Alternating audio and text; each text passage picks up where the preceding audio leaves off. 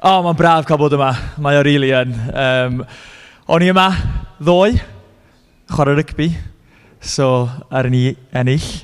So dwi'n uh, aware hwrach bod fi ddim the most favourite person yng Nghyrarfon heddi yma. Ond dwi'n gobeithio fydd y pregeth yn gymaint o llwyddiant ar gêm rygbi ddoe.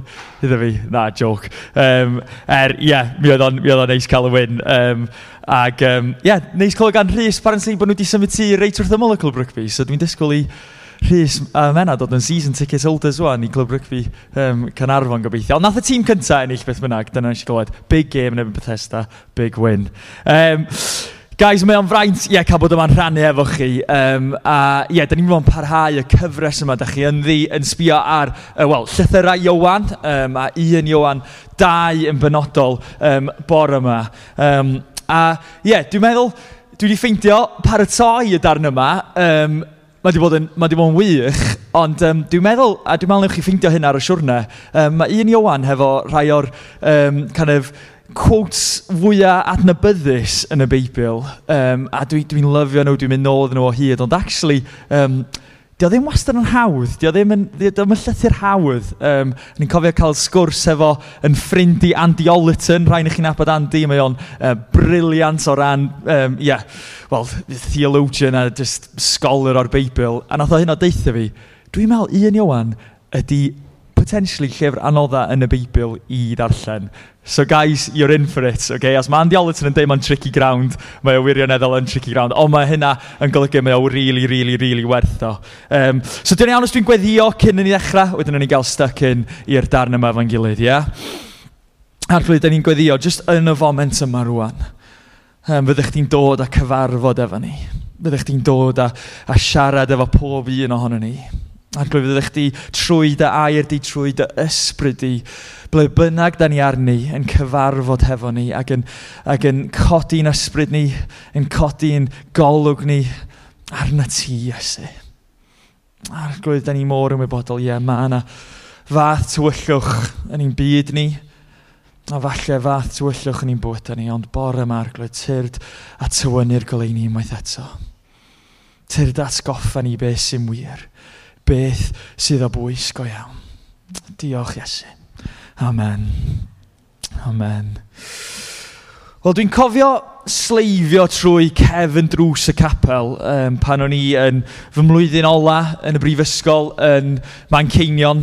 Um, a oedd o'r gwasanaeth nos, oedd o handi chwech um, yn nos, a, a do'n i byth fel arfer yn mynd i'r gwasanaeth yma. Thing y students oedd mynd i'r gwasanaeth handi yn ar ddeg, achos o hwnna'n ideal yn doedd, eich di gallu dal cael y lai yn, Ac o'ch ti gallu mynd i capel, a wedyn mynd i cinio i Weatherspoons efo dy mates di ar ôl, a dal cael rhan fwy o'r diwrnod ar ôl. Half 11 nothing y students, ddim handi chwech. Ond eto, dyna lle o'n i iawn, o'n i'n sleifio fewn trwy Kevin drws y capel. A mi o'na reswm am hynna. Um, a ddeud y gwir, o'n i'n hwyr yn cyrraedd, um, a'r rheswm oedd, o'n i'n misio neb yng ngweld i, really. Um, o'n i'n misio neb fy adnabod i, a dwi'n cofio eistedd lawr yn y cefn a sganio gwmpas, oes yna students yma, oes yna rhywun yn mynd i yn adnabod i yma. Um, Ac ie, yeah, oedd o'n un o'r foment yna lle oedd gennau'r teimlad, a dwi'n bos da chi wedi cael o blaen, yr teimlad yna o dylse fi ddim rili really, um, fod yma. O'n i'n eisiau neb yn gweld i, o'n i eisiau neb fad nabod i, o gennau'r teimlad sal dofn yna o gwylydd wedi dod dros dy fi. Dwi'n cofio meddwl o fy hun, pa, pam dwi even yma? Pam, pam, pam bod fi wedi rhoi fy hun i'r thing na to? O'n i'n cofio, o'n i'n stryglo efo'r syniad yma o'r ffaith bod fi wedi bod yn gristion flynyddoedd, o'n i wedi bod yn, yn hogyn ifanc, yn, yn, yn caru esu, yn did trio dilyn o, ond eto, rwan, blynyddoedd yn ddiweddarach, dwi'n stryglo a, a dwi wedi rhoi fy hun i'r peth yna eto, dwi, dwi wedi disgyn yn fyr unwaith eto, a sgan am syniad hynna wrth fi gerdded fewn i'r capel, sgan am hawl i fod yma, a hawl i hyn o galw fy hun yn, yn gristion bellach. A dwi'n gallu bod yn siŵr? Dyna the question o gennau. Ydw i'n gallu bod yn siŵr bod fi yn gristion? Hwna'n cwestiwn dwi'n meddwl, da ni gyd yn gofyn iddi, sut mae bod yn siŵr? A, a falle dio ddim yn, yn, yn cwestiwn, um, a falle hyn o bore yma, wrach rhai sy'n gwrandu rhai sy'n yr stafell, wrach da chi ddim yn, yn deud bod fi'n dilyn Iesu, ond dwi'n meddwl mae hwn yn, yn angen dofn o mewn yn un, dydy? Yr angen yna i fod yn sicr, i fod yn, yn siŵr, i fod yn secure. Os ydych chi'n rhoi efo ni Google iawn, be ydy yr most basic, most um, kind of deep human emotional need? Be bysa'n dod fyny rhif un, a nes i wneud y Google search, a nes i sbio ar sawl gwefan. Be sy'n dod fyny? Ein angen penna fwyaf basic, emosiynol fel pobl, be ydi o? Rhif un, sicrwydd. Dyna oedd yn dod fyny bob tro. Sicrwydd, security, attachment, lle saff. Hein oedd yn dod fyny gyntaf bob tro. Cofio darllen just ar y gwefanna yma. We need a safe place. An environment that enables us to lead our lives without experiencing undue fear and that allows us to develop our potential. People need an environment that allows them to live life without undue fear. This allows us, yeah, to develop to our full potential. And these places can be physical, emotional, and spiritual. Sicrwydd lle saff. Da ni gyd yn deheu amdan hynna yn bywyd yn dydan, am gysylltiad, am attachments, am, am, am nabod rhywun neu fod rhywle lle da chi'n gwybod hyn oed ar yngweitha, hyn oed pan dwi'n disgyn fwyaf, mae rhywun dal yn mynd i fod yna iddo fi. Mae rhywun dal yn mynd i'n ngharu. Dwi dal yn ddigon er fy mod i ddim yn edrych fel yna. A rwan yn nos syl yna, dwi dal i gofio fo cerdded fewn i'r capel trwy'r drws cefn yn hwyr. Dyna ni'n desbryd amdan. Dyna pam o'n i dal di dragio fy hun yna, Chos ni'n desbryd am sicrwydd, am lle saf. ac yn gofyn y cwestiwn, ydy Iesu yn mynd i ddal fod yna iddo fi? So sut allan ni fod yn siŵr A ni'n clywed Rhys um, wythnos dwytha'n dod yn agor yr llethyr yma iddo chi. A, a be o gan Rhys i ddeud amdan yr, yr, yr bobl oedd Iowan yn sgwennu? Wel, mi oedd nhw'n pobl oedd yn stryglo. Mi oedden nhw'n pobl oedd yn gwynebu pob math o heriau o bob ochr. Oedden nhw yn gwynebu pobl yn neud nhw amau be oedden nhw'n gredu. Oedden nhw'n gwynebu... Um, pobl yn taflu'r gwirionedd yna i fewn i cwestiwn. Mi oedden nhw yn stryglo, mi oedden nhw'n gwybod be oedd o i gerdded fewn i'r capel yn, yn, yn teimlo'r baich yna, yn teimlo y strygl yna. A felly mae Iwan yn sgwennu, mae'n mynd ati i sgwennu at nhw achos bod o'n desbryd iddyn nhw ddal gafael i'r gwir maen nhw wedi credu ynddo yn barod. Mae'n desbryd iddyn nhw fod yn siŵr, mae eisiau nhw wybod, mae o'n bosib i chi fod yn siŵr fod gynnwch chi'r gwir gor iawn er bod pethau i weld mor anodd ar hyn o bryd. Da ni'n gweld o yn Iowan 5 adnod 13. Dwi'n meddwl dyma ydi pwrpas i sgwennu fo. Mae'n deud hyn. Dwi wedi ysgrifennu hyn i gyd ato chi sy'n credu y mab Dyw. Er mwyn be? Er mwyn i chi wybod fod gynnwch chi fywyd tragwyddol i chi wybod, i chi fod yn siŵr. Mae Iwan yn, yn realist yn y diwedd, mae draed o fel ar y ddeiar. Dio ddim jyst fyny yn y nefoedd yn yr, ar y cymyla.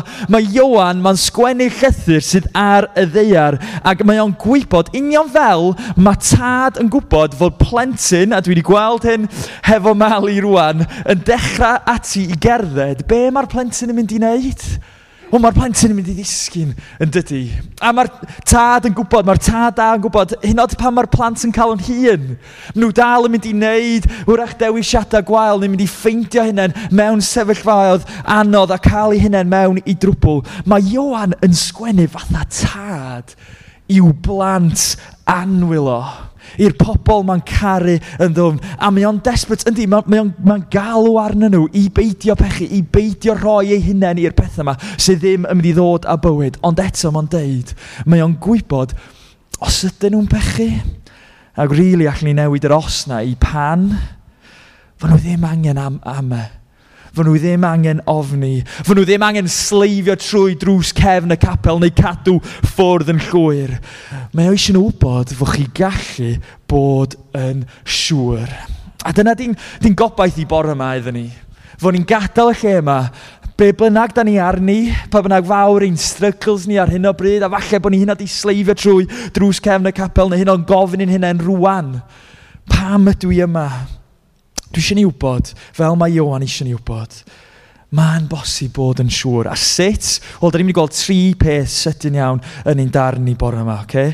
Mae, mae Iwan yn dweud, credu yn Iesu yn gyntaf sy'n gwneud ni'n siŵr, yn ail byw fel Iesu sy'n gwneud ni'n siŵr, ac yn drydydd, byw mewn cariad sy'n gwneud ni'n siŵr. Dyna lle da ni'n mynd i fynd hefo'n gilydd bore yma, iawn? Da chi efo fi? Up for it? Ia? Yeah? Tricky, ond mae'n mynd i fod yn gret, oce? Okay?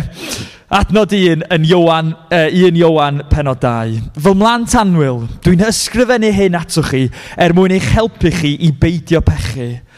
Ond os bydd rhywun yn pechu, Mae gennym ni un gyda'r tad sy'n pledio ar ein rhannu, sef Iesu Grist, sy'n berffaith gyfiawn a da, a fe ydy'r aberth naeth iawn am ein pechoda ni. Ac nid dim ond ein pechoda ni, ond pechoda'r byd i gyd.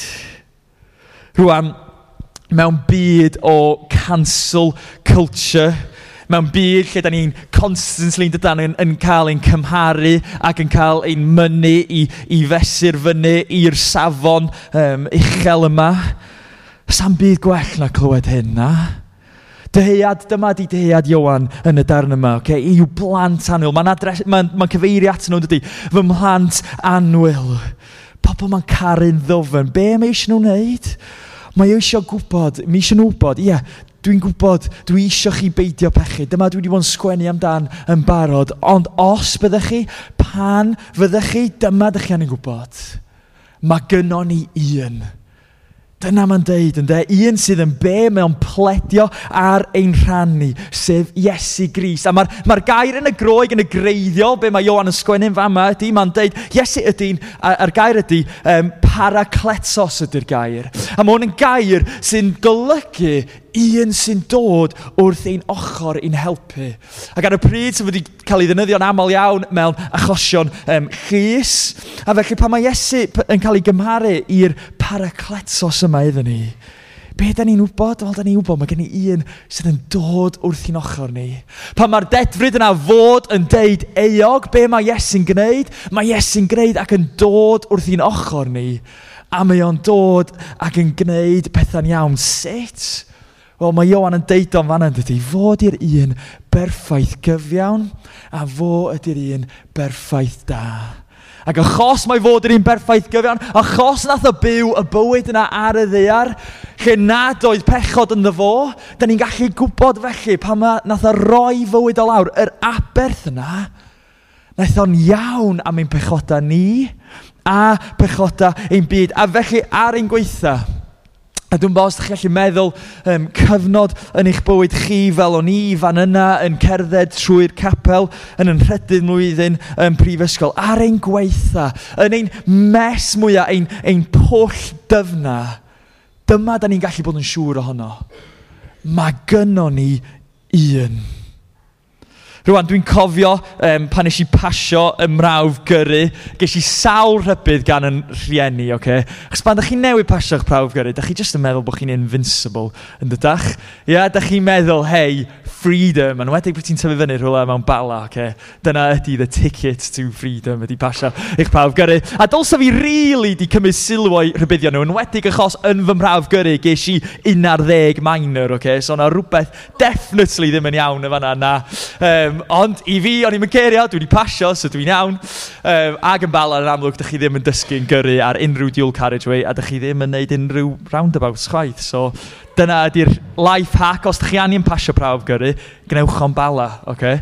Um, Mae mam a dad yn rhoi rhybydd ar rhybydd i fi fod yn ymwybodol ac i fod yn araf yng Nghymru pob dim fel yna. Ond chydig wythnosau fewn i fy ar ôl pasio, be nes i? Wel, ar ôl gêm rygbi, a ni na wedi colli, um, o'n i yn amlwg ddim in the best frame of mind, a nes i refersio allan o'r car park ar dipyn o speed a ddim sbio, be nes i wneud? Es i syth fewn i car rhywun arall. Okay? Panic, iawn, panic llwyr.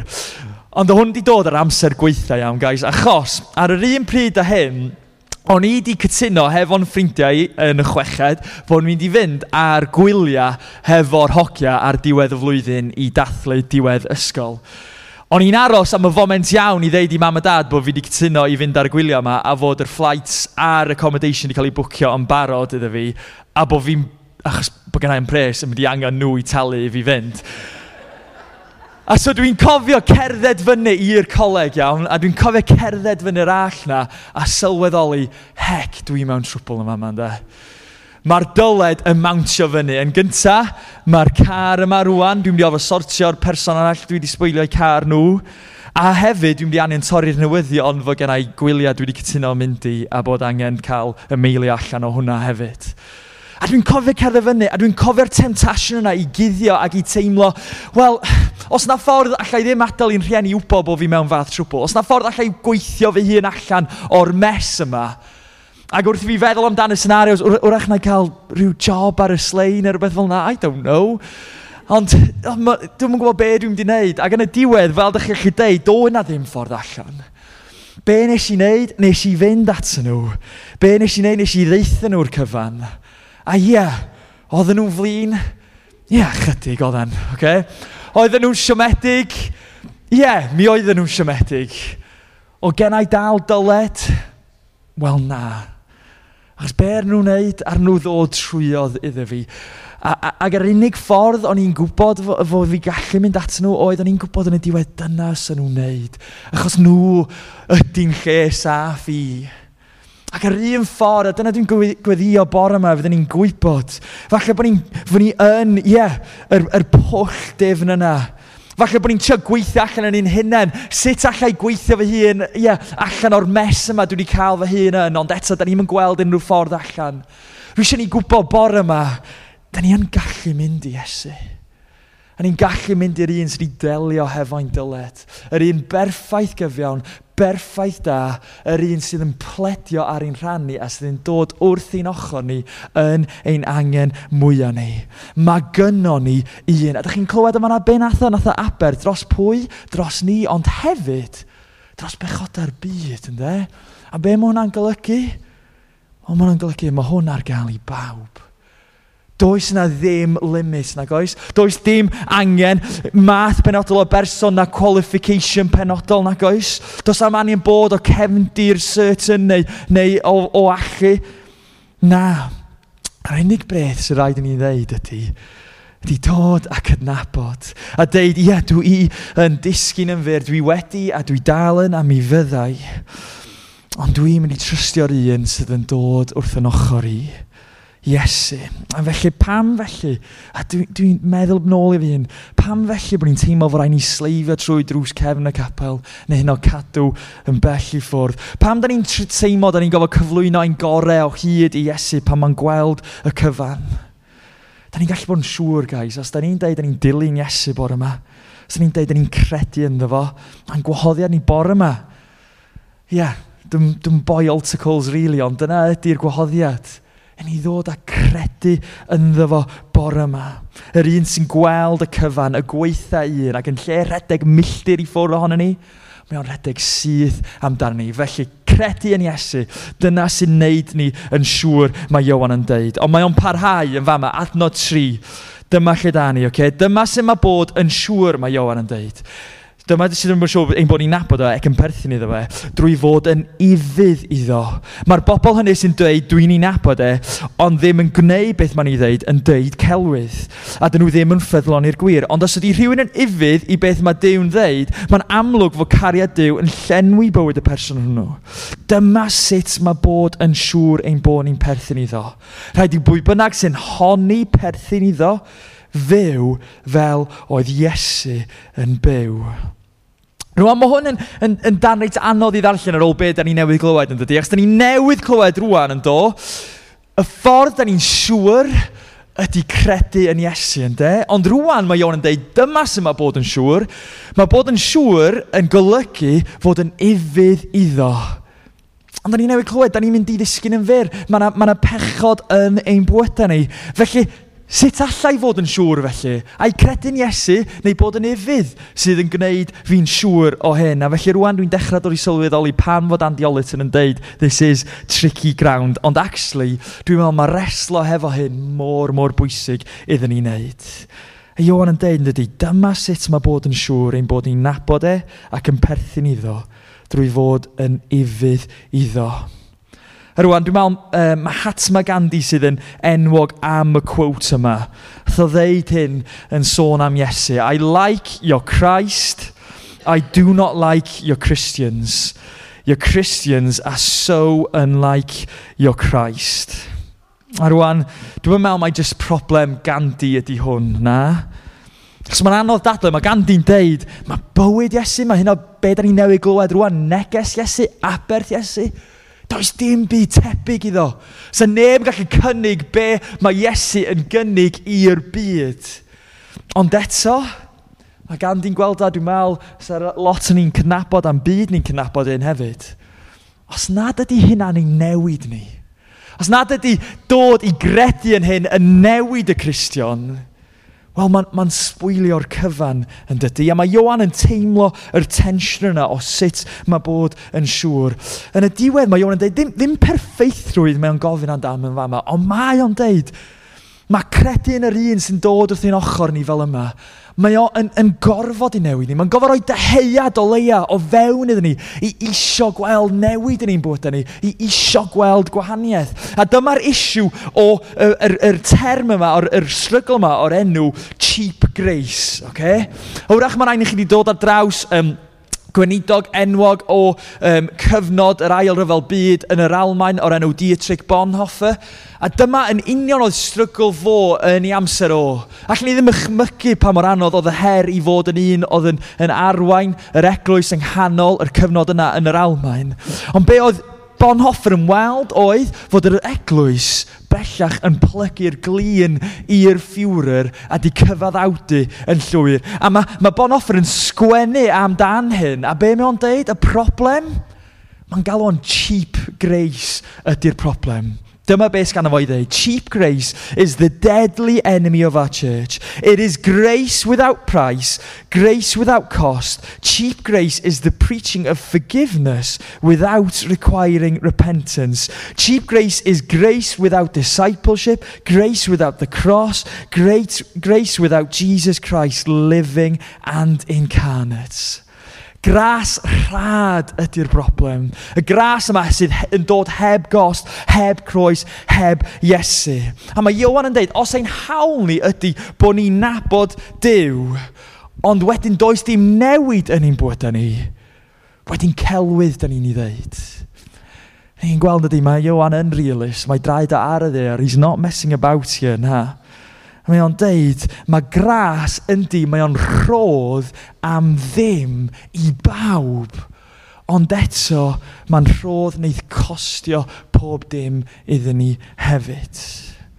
A rwan, dim ond wythnos dwytha, dyma Joe a Caris yn symud yma um, i'r gogledd, oce? Okay? A maen nhw wedi join yn ei fam yn Caris. O'n i'n gwybod bod nhw'n mynd i ddod tan diwrnod y blaen, so guys, you got an illustration rwan, oce? Okay? A maen nhw wedi cyrraedd, a lle maen nhw wedi dod o, wel, maen nhw wedi dod o Tooting yn Llundain, okay? Living the Dream, Southwest London, okay? Mae Caris, ie, yeah, un o Gaerfyrddin, um, Joe yn un o Worthing, so um, mae'r symudiad yma maen nhw wedi wneud, a mae stori nhw yn amazing, a mae werth siarad efo nhw amdan y peth.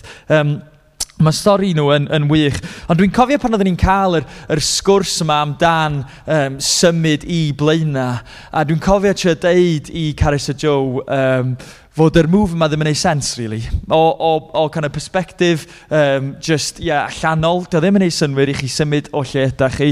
Um, mae gennych chi pob dim, dych chi angen lle ydych chi, a mae lle ydych chi'n mynd i symud i yn sicr, wel, mae hynod pobl lleol yn gofyn iddyn ni pam dych chi yma, really. Um, a hogia rygbi fel, yeah, maen nhw'n really honest, sa, sa fi di aros yn gair dydd, sa fi'n chdi, Jos, really. Dyna dwi'n cael o hyd. Um, a felly ni'n trio bod yn onest ac yn deud, dyma di reality bywyd lle ydyn ni.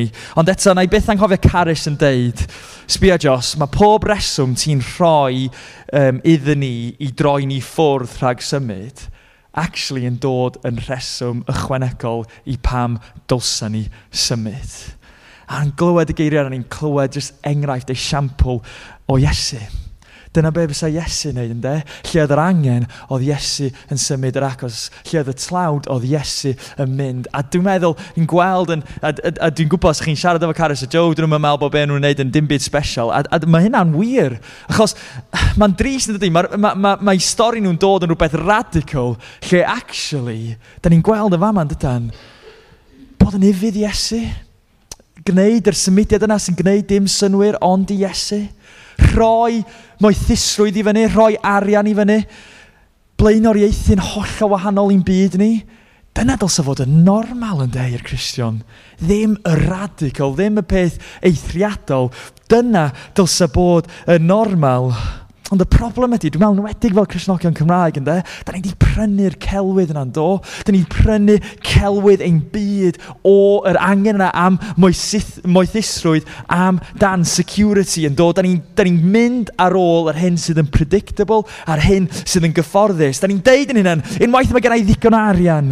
Unwaith dwi, ie, yeah, hefo'r tŷ yna. Unwaith dwi hefo'r perthynas yna. Unwaith mae gennau ddigon, wedyn wrach allai roi a gwneud be mae Iesu isio fi wneud. A chi'n gweld all credu'n yr Iesu yma da ni'n clywed amdan. Alla ond ei newid ni'n de? Ein priorities, ein gwerthoedd ni, ein ie, golwg ni o arian ar byd. Dyna sy'n ma bod yn siŵr yn de? Pan da ni yn gweld oddi fewn yn hynny, ddim perfeithrwydd, Iwan yn hollol real, mi fyddwn ni'n disgyn yn fyr, ond eto, pan da ni'n dechrau dyheu a dechrau byw fel mae Iesu'n neud yn ei esiampo fo, dyna sydd yn rhoi sicrwydd iddyn ni. Ond be ydi o felly i fyw fel Iesu? Dyma da ni'n di orffen hefo, okay? be ydi o i fyw fel Iesu? Wel, da ni'n gweld yn ôl Iwan, mae'n golygu byw mewn cariad. Adno saith efo'n gilydd ac edrych ni'n gorffen yma yma. Ffrindiau anwyl, dwi ddim yn sôn am ryw orchymyn newydd. Mae'n hen un. Dyma gafodd ei ddeud o'r dechrau cyntaf. Dyma'r hen orchymyn glywch chi o'r dechrau. Ac eto mewn ffordd, mae beth dwi'n ysgrifennu amdano y newydd. Mae weld y mywyd Iesu Grist ac yno chitha hefyd, achos mae'r tywyllwch yn diflannu ac mae'r golog o iawn wedi dechrau disgleirio. Mae rhai sy'n deud eu bod nhw'n credu'r gwir, ond sy'n bod yn gas at frawd neu chwaer yn dal yn y tywyllwch go iawn. Y rhai sy'n caru eu cyd grisnogion sy'n aros yn y golau. A does dim byd fydd yn gwneud iddyn nhw faglu. Ond mae rheini sy'n gas at Grisiwn arall yn y tywyllwch, ydyn maen nhw ar goll yn llwyr yn y tywyllwch. Does gan nhw ddim syniad ble maen nhw'n mynd am fod y tywyllwch yn ei gwneud nhw yn gwbl ddall. Felly mae Iowan yn deud, byw mewn cariad, dyma sy'n mynd bod yn siŵr. Mae gen i hen orchymyn a gorchymyn newydd ar yr un pryd i roi yn chi. Yr hen, wel achos dyma oedd deheuia Dyw ar gyfer ei bobl o'r dechrau un, ynddo? So chi'n sbio ar stori cyfan y Beibl, mynd i stori Israel. Mae Dyw yn mynd ati i bendithio yr pobl yma, bendithio Israel, achub Israel. Pam? Pam?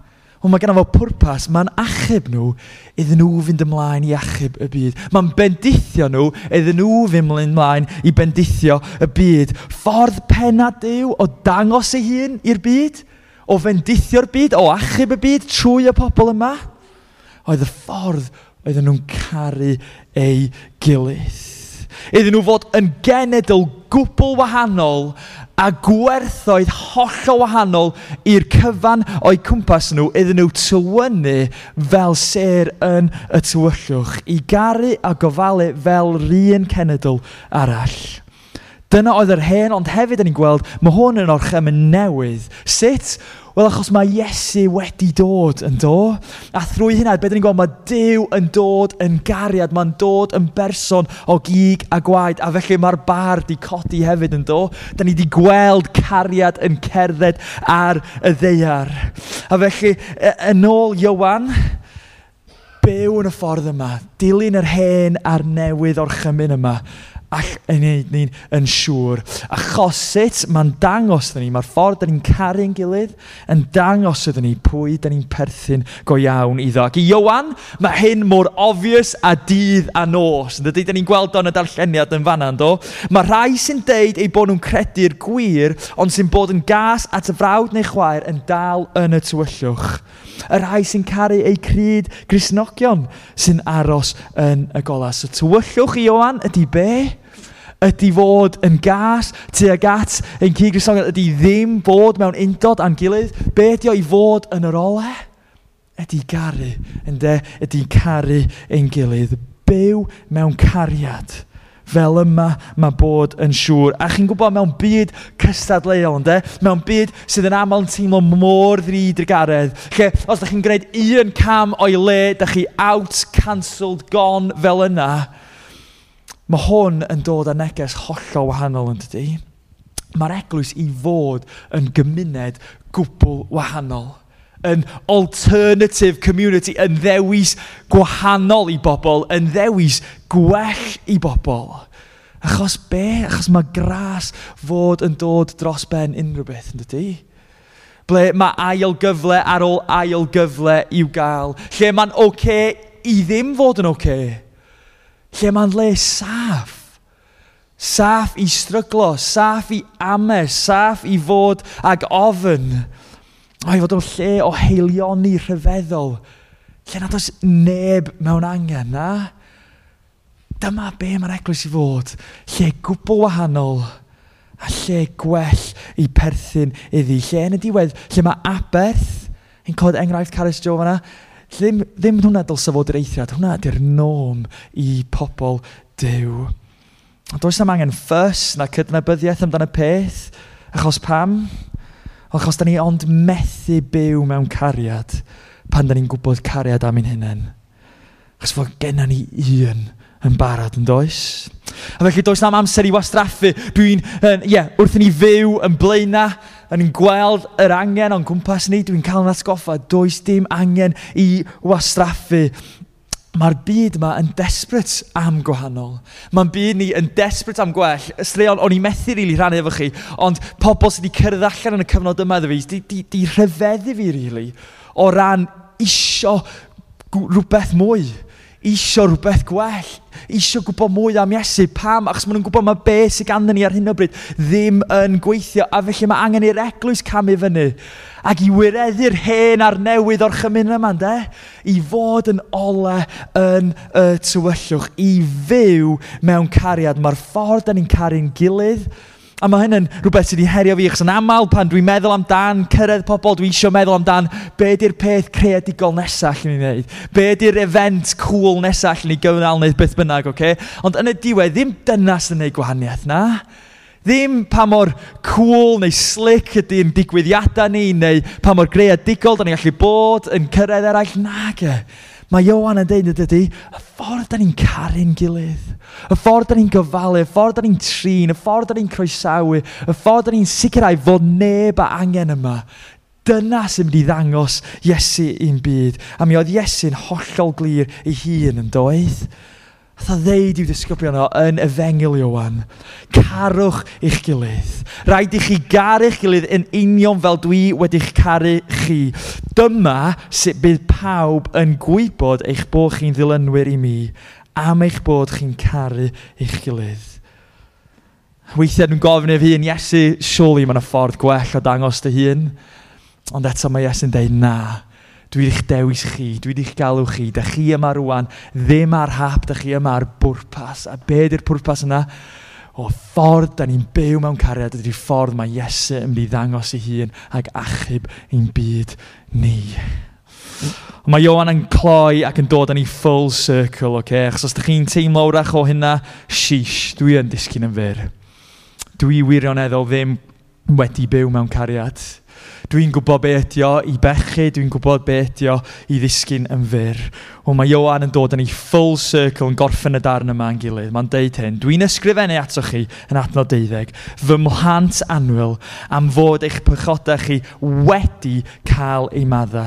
O, achos beth wnaeth Iesu. Dwi'n ysgrifennu atoch chi rai hun am eich bod chi wedi dod i, hi, dod i nabod yr un sy'n bodoli o'r dechrau cyntaf. Dwi'n ysgrifennu atoch chi ifanc am eich bod chi wedi ennill y frwydr yn erbyn yr un drwg. A mewn car ymlaen, oce? Okay? Chi'n clywed yr gair yn cael ei ailadrodd yn fanna? Chi'n clywed y wedi yna?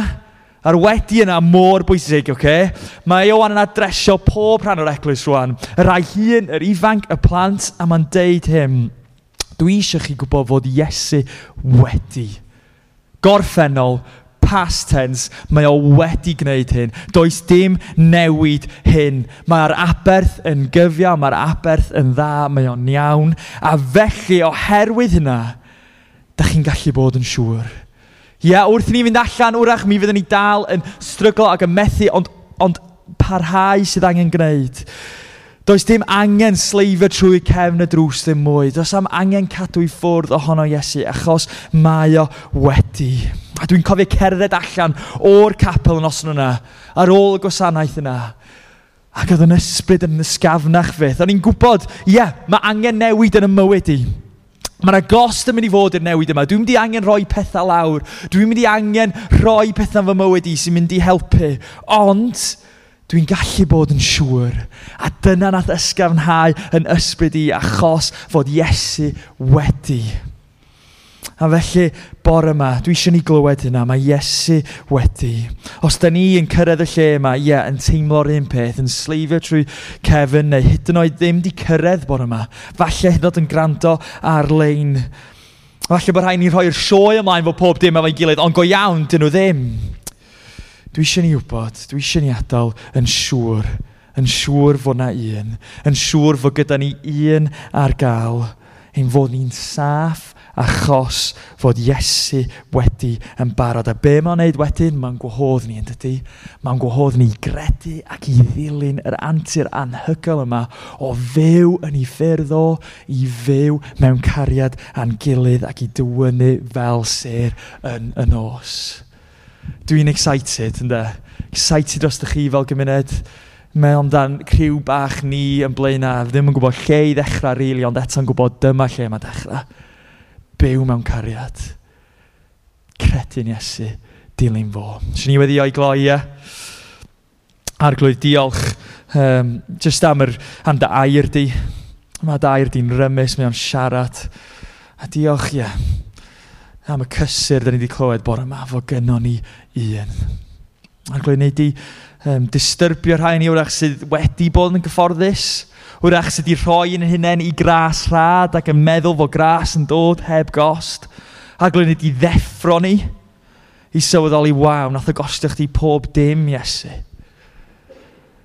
A Iesu, os da ni yn y lle yna rwan, lle ie, da ni'n sleifio trwy cefn y drws, lle da ni, oh, yn ysbryd ni môr drwm, ein clon ni môr isel, Iesu ni wedi codi ni rwan, yn gwybod, ia, er fod y dyled yn ei mawr, mae o wedi cael ei dalu. Achos ti, dyn ni'n digaru di Iesu, a diolch fod ni yn nabod cariad go iawn. Amen.